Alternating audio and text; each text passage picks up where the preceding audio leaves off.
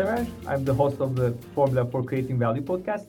And today my special guest is Melina Palmer, CEO of the Brainy Business and the host of the Brainy Business podcast. Welcome, Melina. Oh, thanks so much for having me. Well, it's a great privilege to, to have you. Uh, I'm a big fan, and uh, your podcast is a true uh, inspiration for me, both in terms of uh, content and the, the format, how you organize your uh, show notes and everything, and all these links and everything. So, and I'm now honored to be a member of your book launch team. Yes, thank you. so, let me introduce you uh, to our audience briefly. Um, at the Brainy Business, you provide behavioral economics training and consulting to businesses of all sizes from all around the world. You have a podcast, The Brainy Business, understanding the psychology of why people buy. It has downloads over in over 170 countries, as far as I know. And uh, I read that uh, it is used as a source for teaching uh, applied behavioral economics uh, for many universities and businesses. And you're teaching uh, applied behavioral economics uh, through the Texas A&M Human Behavior Lab, right? and you obtained uh, your master's in behavioral economics uh, from the Chicago School of Professional Psychology. Yes. Uh, and you're a member of the Global Association of Applied Behavioral Scientists. So far, you had uh, two books, right? What uh, your customer wants and can tell you.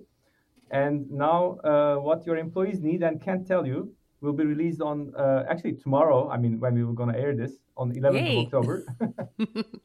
so I must say, I couldn't have prepared enough for this interview uh, even if I had uh, two more weeks or two more months. So because I have, I'm I'm I'm full of questions.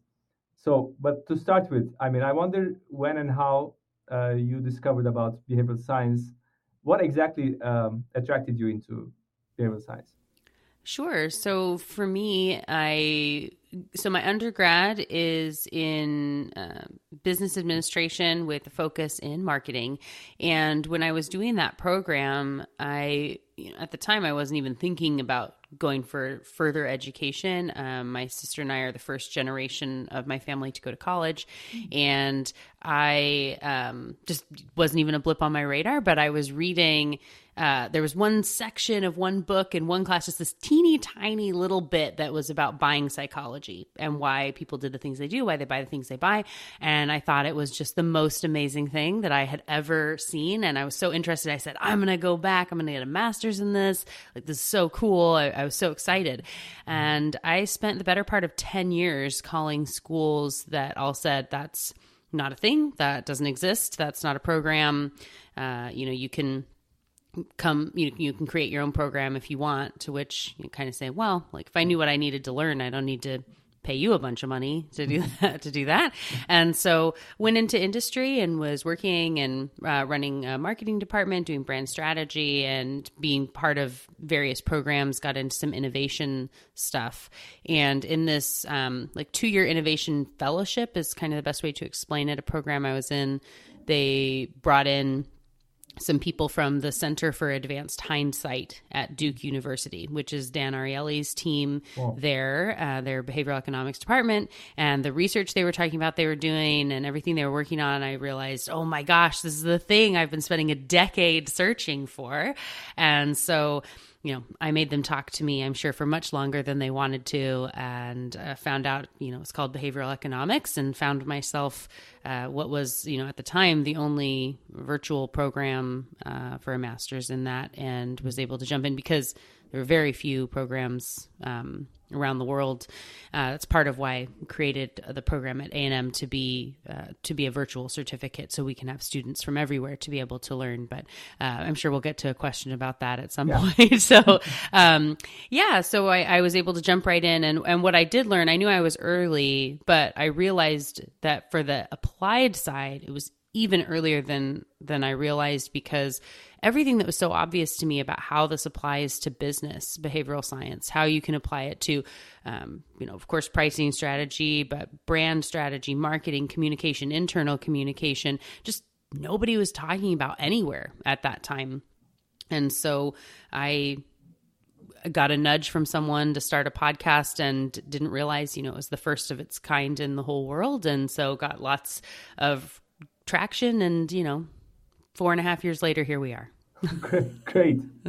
Because, I mean, I, I studied economics uh, too. I mean, like, uh, and to be honest, I remember very few things from uh, our textbooks um, um about microeconomics or macroeconomics or econometrics and money and all this stuff. But I don't really remember anything about behavioral science. And it wasn't like uh, 100 years ago. I mean, it was end of 80s and beginning of 90s.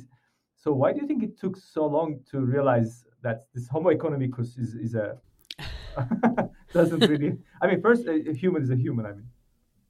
Yeah, you know, I think it is just based on the way that the brain is structured anyway, right? So, because we are built to think that we're better, faster, stronger, smarter than everyone else, including the us of five minutes ago, we like to uh, think that we conscious brain you know we're in charge of and logically making decisions about everything that we do. And other people should do that too. And so because of that when you sit down and you're building out a model right? So think about like you say traditional economic models and coming up with you know supply and demand mm-hmm. charts and all these things right? Like hmm if I was going to be buying something, what would matter to me? And mm. you're asking questions of a part of your brain that doesn't speak the same language, can't mm. answer in the same way. And so your conscious brain is making assumptions of what it thinks is going on. Uh, there's a really great analogy from a psychologist at NYU that he talks about thinking about your brain like a person riding an elephant. Mm-hmm. And so if you think about the conscious brain, what we like to think is in charge, that is the rider. You know, it has a plan, it can see out in the distance, knows where we're going, and knows the best way to get there. But it's really at the mercy of the elephant because if it wants to sit down or run in another direction, uh, you're kind of stuck. You can't push or pull uh, or logic it into going where you want it to go, you have to understand what will motivate the elephant and help nudge it along the way. Mm-hmm. You know, you want to be that elephant whisperer. And it's that same thing, that six ton behemoth is what we're needing to be properly communicating with and motivating. But we like to think that our rider is talking to other riders and we're creating things for them, even, and we don't realize that the way that we act and buy is you know it's the elephant doing mm-hmm. the most of that stuff mm-hmm. so we have this book club also we, we we read about professor steve peters the the chimp paradox and uh, which is a, a, a, similar you know uh, analogy with the chimp how you manage your chimp and uh, well, well I, th- I think it's it's elephant is a better example because it's really you cannot well, you cannot control the chimp either, but yes, uh, but the the sheer volume of an elephant, uh, I think, helps to convey uh, that processing. One interesting thing I had from there was a book club that I was um, brought in to be able to speak to a book club that was reading my first book, What Your Customer Wants and Can't Tell You. And they were talking about how it felt confusing that there was the analogy of that elephant and the rider, and then the fast part of the brain mm. is the elephant. Right. And so it was like, am I missing something? Elephants are slow. And so, oh no, no, okay, we're we're mixing our metaphors a little bit here. you know, we're like those are two separate thoughts. Right. And go with volume, right? We have to be fast because of that, and and we, you know we need to separate those two things out. But you know, something that it's always interesting to have people read your uh, read books or articles or listen to a podcast and say you know you get to hear the things that um, resonated with people that felt kind of offhanded or the thing that i thought was so poignant that nobody ever asks about or whatever else. It's it's an interesting experience. Right. But on the other hand when, when we, we think about these traditional economists and uh, their uh, very logical theories and everything this part of the world, I mean, like uh, the Eastern world, is also was quite um, successful in, let's say, in trade, right? In in, in so recently, I saw a TikTok um, video and uh, where there was a Turkish rug dealer. I mean, not drug dealer, uh, rug dealer. I, I, heard you. I got it. so he he goes like he's uh, with a lady, uh, a foreigner and American probably, and uh, so he was trying to sell her uh, a carpet, and she was saying like, "Look, I'm really I didn't have in mind to to buy a um, carpet," and he says like, imagine uh, i want you to imagine this carpet in your uh, nice home beautiful home and laying down there whatever. And then uh, he goes like um, you give me a quotation. I mean like okay i'm, I'm gonna see if it's whatever. So he's using all this probably anchoring uh, there. I mean like maybe he mentioned previously uh, about a, a, price. And then uh, the perceived ownership right? Mm-hmm. this endowment effect sort of like you you feel like you you possess it whatever. Uh, and the re- reciprocity maybe like he offered her maybe some uh, teas or whatever sweets and this lokum and things like that. And the scarcity mindset of course the like she's there for a for a short period of time and she will go back to her country and she will not have access to this carpet and everything. So um, we have this i mean like a sort of um, background uh, in the eastern world uh, chinese have this probably this selling techniques whatever but you cannot see this uh, really translated into big corporations, I mean, you still see a lot of um, communication or product or services which are like against the basic behavioral patterns of people. Um, why do you think so? I mean, why why big corporations don't learn about this? I think it's a it's a really interesting question, and I think it helps to show that there is a lot of value in so you you are pointing out one person who is very intuitively able to understand human behavior and has had an opportunity to practice many many times to be able to see what works and what doesn't to refine right. that technique right mm-hmm. there are natural salespeople out there uh, that are really good at these things that don't necessarily know oh because of reciprocity i know that if i right? It's not at that level, but they've figured out something that works. And so, what's interesting, um, and one of my favorite things to do in my work is exactly what you're talking about. Watching the TikTok video, walking through the airport and taking pictures of ads, uh, working with my clients, and being able to say, like, what's something that's worked that you have no idea why? Mm. What is something that you were sure was going to be amazing that was a total flop? Mm. And let's look and see what's going, what's happening in there. I'm able mm. to really quickly say, oh, you're using social proof wrong, or interesting. I think reciprocity was helping you here. Let's try to frame it this way, right? There are things you're able to break down and see what's happening there. Mm-hmm. There are a lot of people in small business so we don't want to get our survivorship bias problem here, right? So mm-hmm. we see a couple people doing sure. a really great job of that in small business, and there are a lot of people that don't and get mm-hmm. that wrong. Mm-hmm. In the mm-hmm. same way, we might not see it as clearly in a lot of corporate spaces, but I know that there are people within an organization that are very skilled in these ways, whether they realize it or not. And it might be in their internal communication, or it could be, um, you know, when they're negotiating with a vendor, it could be working with their teams, and it might be in the way that they're positioning products. But we just don't get to see it as much because there's so much secrecy among a lot of corporations. So they're not mm-hmm. telling you a lot exactly. of what they're doing, mm-hmm. uh, even if they are working with different behavioral scientists and things like that. Um, so I think that it's also then, if you see it less, is potentially because when we have a design by committee and mm-hmm. you have people sitting down and saying, well, I wouldn't buy because of that. Like that wouldn't motivate me. I don't right. do that. The mm-hmm. same problem that happened with traditional economics as we're building, you know, the system being we don't like to think that those things will work for us. Right. And so many research studies have shown that, you know, when you go and ask people, would you be more motivated by this or by this? And they say, I hate this thing. If you do that, I will boycott you and I will never buy and I will hate it. And then you test it and that's the thing that actually motivates them to buy. So people don't think it is, but it can it can be very different. So when you have that decision by committee and people are able to say, "Oh no, nobody would care about that." And they don't fully understand those behavioral science techniques and it can be scary to test, you know, potentially you don't see it as much in some of that corporate space. Uh-huh. Uh-huh. And uh, one more question about uh, this um, do you think there is a role of uh, culture affecting behaviors in a different way, in a significant way? Because you, you also work with uh, different um, clients from uh, different parts of the world, right? So do you think culture has a influence on this?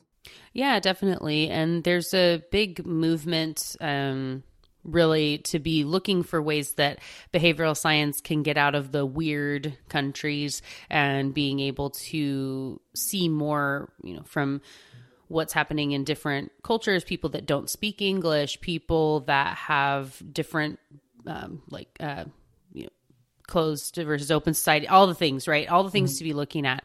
Um, in general, the a lot of the principles still hold in some way or another from what has been tested so far. So, and even in um, the countries where we're seeing a lot of the testing going, you know, you've heard me say on the show and mm-hmm. in, in the book and everything, like, um, research is never generalizable. I don't like to say never on things, but truly, it, nothing is ever going to be perfectly generalizable across all fronts. Like, if you read a study and someone used loss aversion in this way, you can do it exactly the same way, and it's going to come out exactly the same on the other side because there are so many factors influencing it. You have to be considering the context is so important when you're designing whatever your study is. So, in this way, humans are a herding species. Mm-hmm that is a universal trait and tendency. Right. We are this way. That's how we've gotten to be where we are. Mm-hmm. Am I going to be presenting herding exactly the same as as you or someone from Peru or from China or whatnot? Uh, potentially not, right? Uh, but we know that herding is something that can be present, and social proof can be a valuable way to be looking at that. And so, being able to test and look for ways that perhaps there are differences and similarities uh, across cultures is really important and a lot of research that's being done in that space right now mm-hmm. and being able to understand you know if you're selling um, I recently had someone from Mars Wrigley and Kind on the show, and we were talking about some work that we had done together and some previous research that she had been doing where they were looking at snacking. And in America, snacking is very different than what you get in France or in Japan and the way that people think about snacking. And that is an important contextual piece when you look at applying the behavioral science techniques and loss aversion may still come into play uh, but you really need to be considering your framing right mm-hmm. you need to be thinking about that social norm uh, when when it comes in so the concepts can apply but they need to be considered in context so that they're applied appropriately. And there's definitely still a lot of interesting research that's going to mm-hmm. be done there, and I'm excited to see and you know hopefully be a part of some of it. Great. So.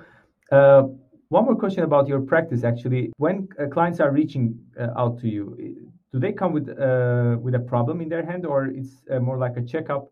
And um, so, and how do you um, get use of their data, or how how do you make your own observations to to act on.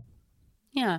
So, you know, in general, it depends of whether they come with a, a problem, but it's more that um, people have some sort of a goal, right? And so mm-hmm. being able to narrow down, um, you know, you're trying to increase sales on something, you're mm-hmm. trying to be more sustainable in this case, you're trying to reduce something over here, right? Looking at incentives, mm-hmm. whatever, uh, getting more people to sign up for something, whatever mm-hmm. that is. Mm-hmm. Um, and you don't need to, and I wouldn't, even if somebody thinks they know what the problem is, the first thing that I always do with anyone is to ask a lot of questions when someone starts working with me to uncover uh, what the real problem might be. Because even if we think we know typically that we jump too quickly to solving the wrong problem and it can cost a lot of time and money.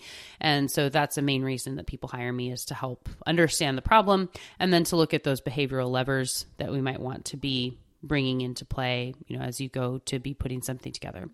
Um, when i'm working with clients the the bulk of what i do is um, this sort of uh, consultative strategy and being able to give thoughtful feedback and analysis versus having to do a full research study. Mm-hmm. Um, at you know have access to the largest academic human behavior lab in the world we can run some really great studies if they are needed and a lot of what businesses are looking for and needing to do doesn't require a study mm. of that magnitude. You know, we can do some interesting things with A B testing um, and being able to look at trying something out uh, with simple tools that they already have in place uh, without having to create a full, you know, big massive research project and that's just more economically uh, a good choice for them uh, and time wise you know because mm-hmm. studies take time mm-hmm. um, but uh, yeah so then we're able to work with the data they have and i can do literature review and be able to give recommendations based on best practices from you know my previous clients or what i've been seeing around the world and you know we try some stuff mm-hmm. test test test yes always so let's move on to your books. And uh, when um, I think about it, like thinking fast and slow, I mean, like it's the kind of the constitution of the behavioral economics, right? yeah. Uh, and it's quite academic book and requires deep concentration, and uh, it's a great book. What to say? I mean, but it's not for everyone. And mm-hmm. uh, on the other extreme, there is Dan Ariely's uh, predictably irrational, so like right. little stories, whatever. And I believe your books are uh, in a very good balance of theory and practice, and it actually uh, comes with an exercise book, right? Uh, both. Mm-hmm. And uh, I think it has to do uh, the fact that you have a commercial background, uh, so you manage brands and people. So you you sort of like very well merge this behavioral psychology with with practices. What do you think about that? yeah, I mean, definitely a big part of my goal. One of the things that I have learned over the years and am really embracing is I'm a teacher at heart.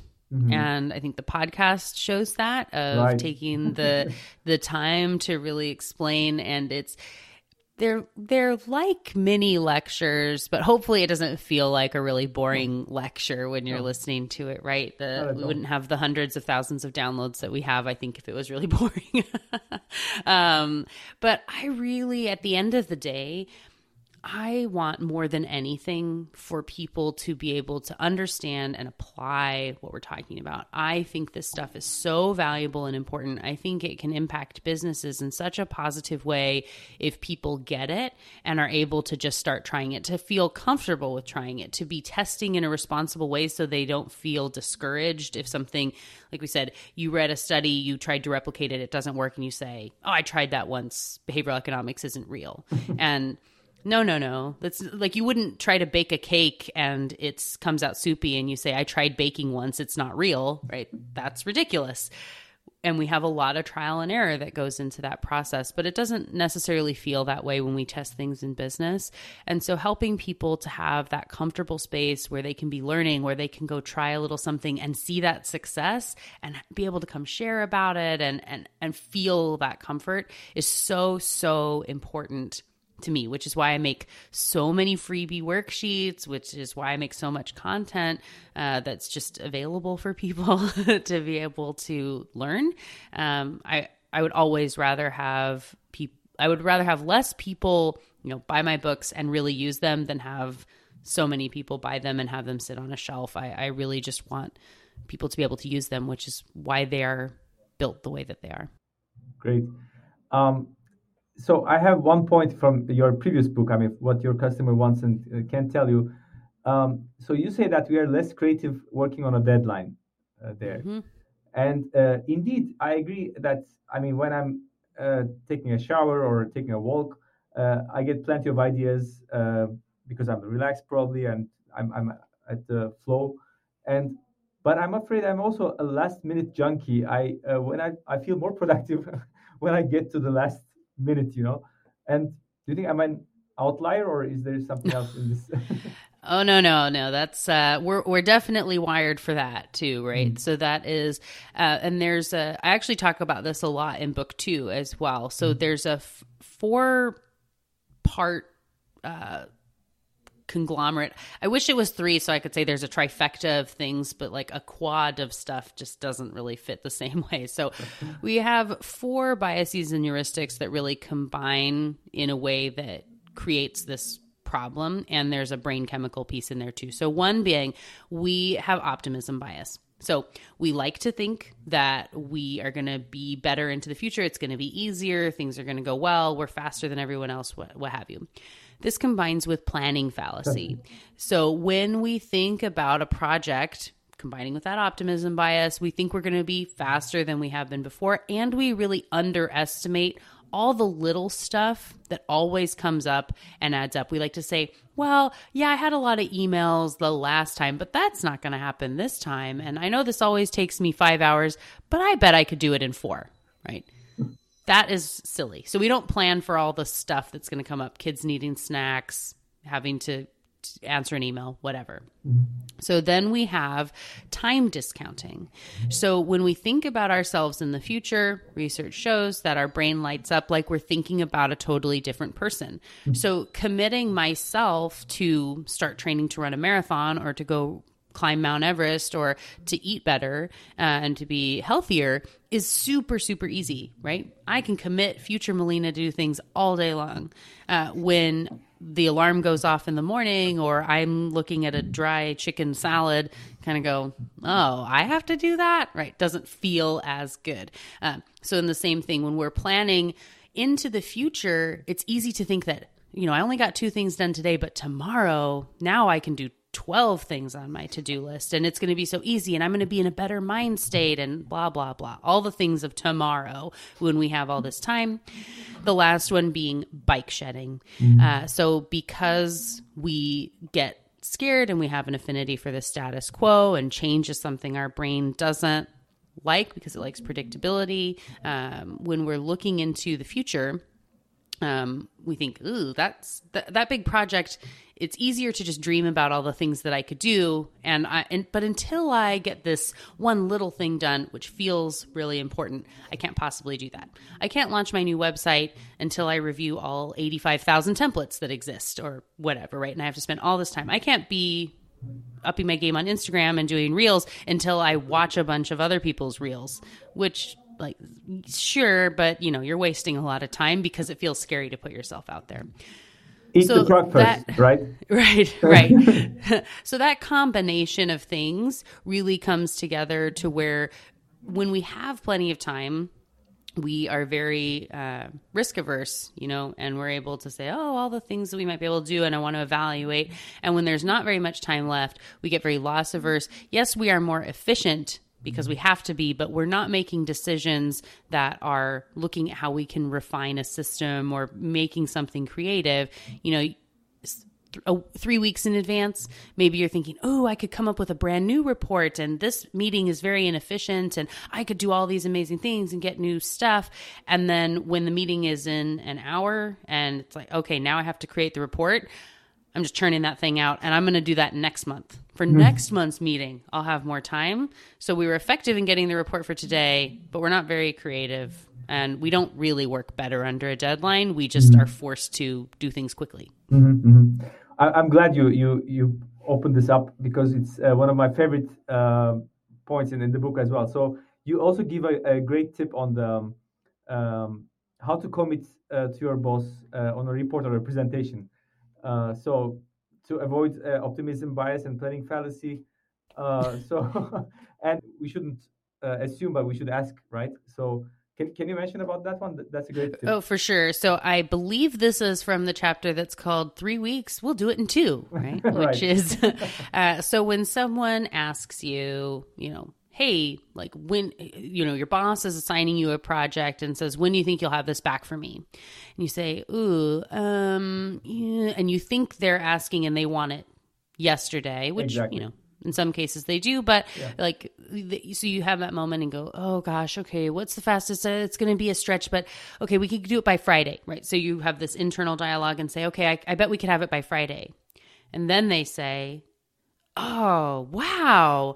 I figured this was going to be at least three weeks, but that's amazing. I've got a budget meeting Monday. I'm going to email Jerry right now and let him know we're going to have this report ready. And you go, oh man, right? like you could have had all this time, but you assumed something that made you feel this stress. Again, this is some of that herding pressure of wanting to be appeasing others and whatnot. So instead of trying to come up with something in that way and guessing what they want, if someone asks you, when do you think you can have that for me? I typically will respond with something along the lines of, When would you ideally have it? Mm-hmm. What's the dream for right. you? And that is intentional of asking that ideal, right? When ideally would you have it? So then if they come back with something that is way too extreme, mm-hmm. you're able to say, mm, that's nice. And like more realistically, we're looking at this, right? Mm-hmm. So, mm-hmm. um, in that case, typically you say, when would you ideally have it? And they say, oh, well, I mean, and looking at this, is, there, is there any way we could get it in three weeks? And you say, heck yeah, right? yes, yes, I can do that, right? That's doable for us. And then maybe you deliver a little bit early, but you have this ability to help your teams. And so, just this one, I have several of these micro shift moments in the right. book to get little wins along the way. And this is in what your employees need and can't tell you.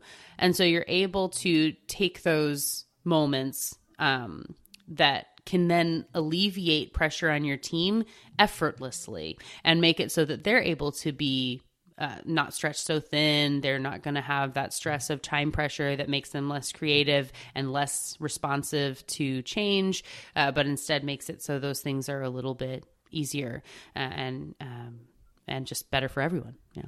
That's that's a great tip. I, I wish everyone knows about this really, and it's it's, it's worth uh, buying the book for just for this tip so um, and one more thing is about like we are so much trapped in our minds. I mean like my epiphany was uh, to discover uh, while we think our messages or email messages are understood nearly like 90% night almost all the time.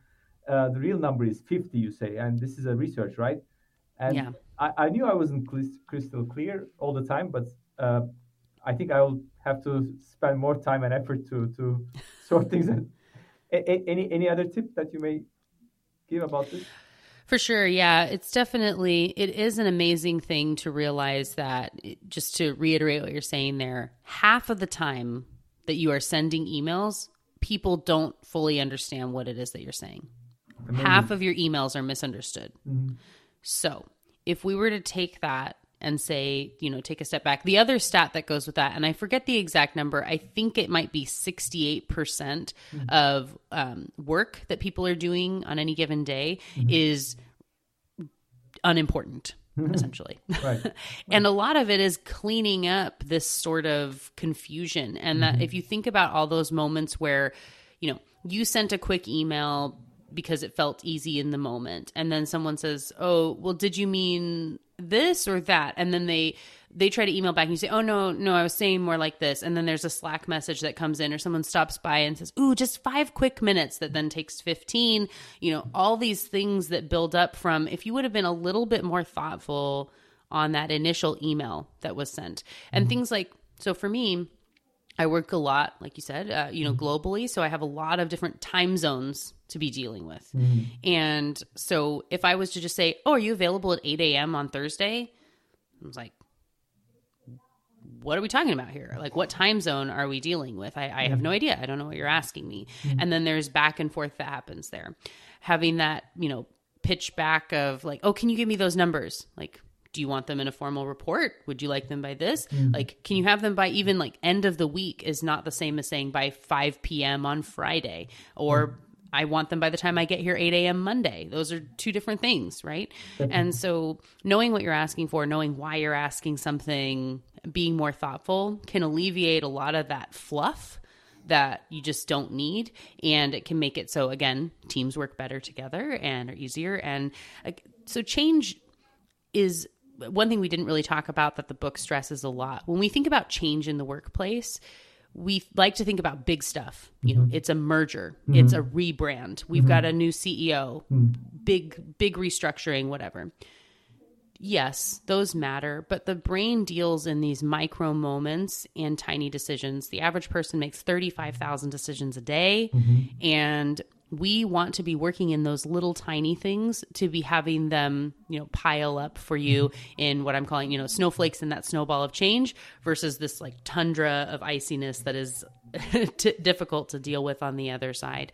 And so focusing on these little changes you can make can have a huge difference when we're looking at any sort of change from small to very large. Mm-hmm. mm-hmm. Okay, and so you were mentioning about be thoughtful, and this is like your signature, right? And yes. my signature question of the podcast is about your formula for creating value. What is your formula for creating value? I, it, it, wow. sounds obvious, but yeah, I mean, for me, I, I, would say it is being more thoughtful right. and encouraging others to do so as well, which is both looking at your own brain and response to things. So we do need that subconscious processing to be doing the bulk of those 35,000 decisions. And there is some value in every so often saying, hmm, I wonder why I opened this email instead of another one. I wonder why I felt abrasive to this request versus something else. Uh, what was that about? You know, taking a moment to be a little bit more thoughtful about things and asking some good, curious questions is important both in your own behavior and then in thinking about how you can be presenting information to other people, in understanding problems differently. Asking lots of really good, valuable questions is uh, a great way to add value. Definitely. I mean, asking questions or how to ask questions is really what keeps me busy all night. so, so Right. Yeah. We're we are all born being great questioners, yes. and over time we have it. Uh, right. Yeah. Yep. It's it, it's very much uh, worked out of us right. uh, with all the you know stop asking questions, and right. in school it's all about answers. Yeah. and being a better questioner is really really important. I highly recommend uh, the book a more beautiful question by warren berger. It's one of my very favorite books. Oh. uh, he was my guest on episode 200 of the brainy business podcast oh. talking about the value of questioning. Okay. just fantastic for everybody. Yeah i, I shouldn't have missed it. I, will check again and I'll, I'll, I'll, take the book. So uh, thank you very much. It was uh, great. So let's talk about a bit uh, how they can reach you and um, any any news about the book? And actually, I'm also curious about uh, are you is the third book is in pipeline? Uh... Ooh, oh, you're the first one to ask. So, okay. So, as far as finding more about me and connecting, and hopefully everyone's really excited about checking out, uh, you know, one or both books, the podcast, mm-hmm. consulting, whatever else, right? Uh, and corporate trainings. You can find more about me at thebrainybusiness.com and you can find the books really wherever books are sold or they're from the website and the Brainy Business podcast as well. Mm-hmm. I do have set up for your audience for everyone that is maybe wanting to, you know, learn a little bit more. You're kind of on the fence. Uh, if you go to thebrainybusiness.com slash DYF, you can get one or both books free first chapter for free. You can take a read see if it's a fit for you. Um, and yeah just love to give that out to everyone. So thebrainybusiness.com slash dyf you can find me on all the socials as the brainy biz. And as far as a third book i i do have a a plan for a third book. Um, and it's in process of being you know pitched and hopefully accepted. Um, but when i talked with the publisher about this book, there were a couple that I was saying in the series that I think could, should, would be next ah, in okay. in the and can't tell you series. So what I am hopeful is that the pricing strategy book will be the third one. Wow. Okay. So we've got customers, employees, and then looking at that pricing strategy more in depth. That's a piece of the first book, but definitely not as robust as that topic can be. Great. I'm, I'm glad I asked this question, and I'm glad uh, you weren't mad at me because you know the, the second book is not even released yet, and people are asking about the third one. no, I love it. I'm always I'm always working on that. You know, the two books came out 17 months apart, uh, so you know it's it's time for to be working on book three. I, I, adore uh, your productivity. Really, I mean, I, it's a great source of inspiration for me. Definitely. Thank you. Thank you. Hi, my name is Mete Yurtsever. I'm a design thinking and innovation facilitator, trainer, and consultant based in Istanbul. My aim is to inspire people who are working to create value in their jobs and lives through the experiences of my guests.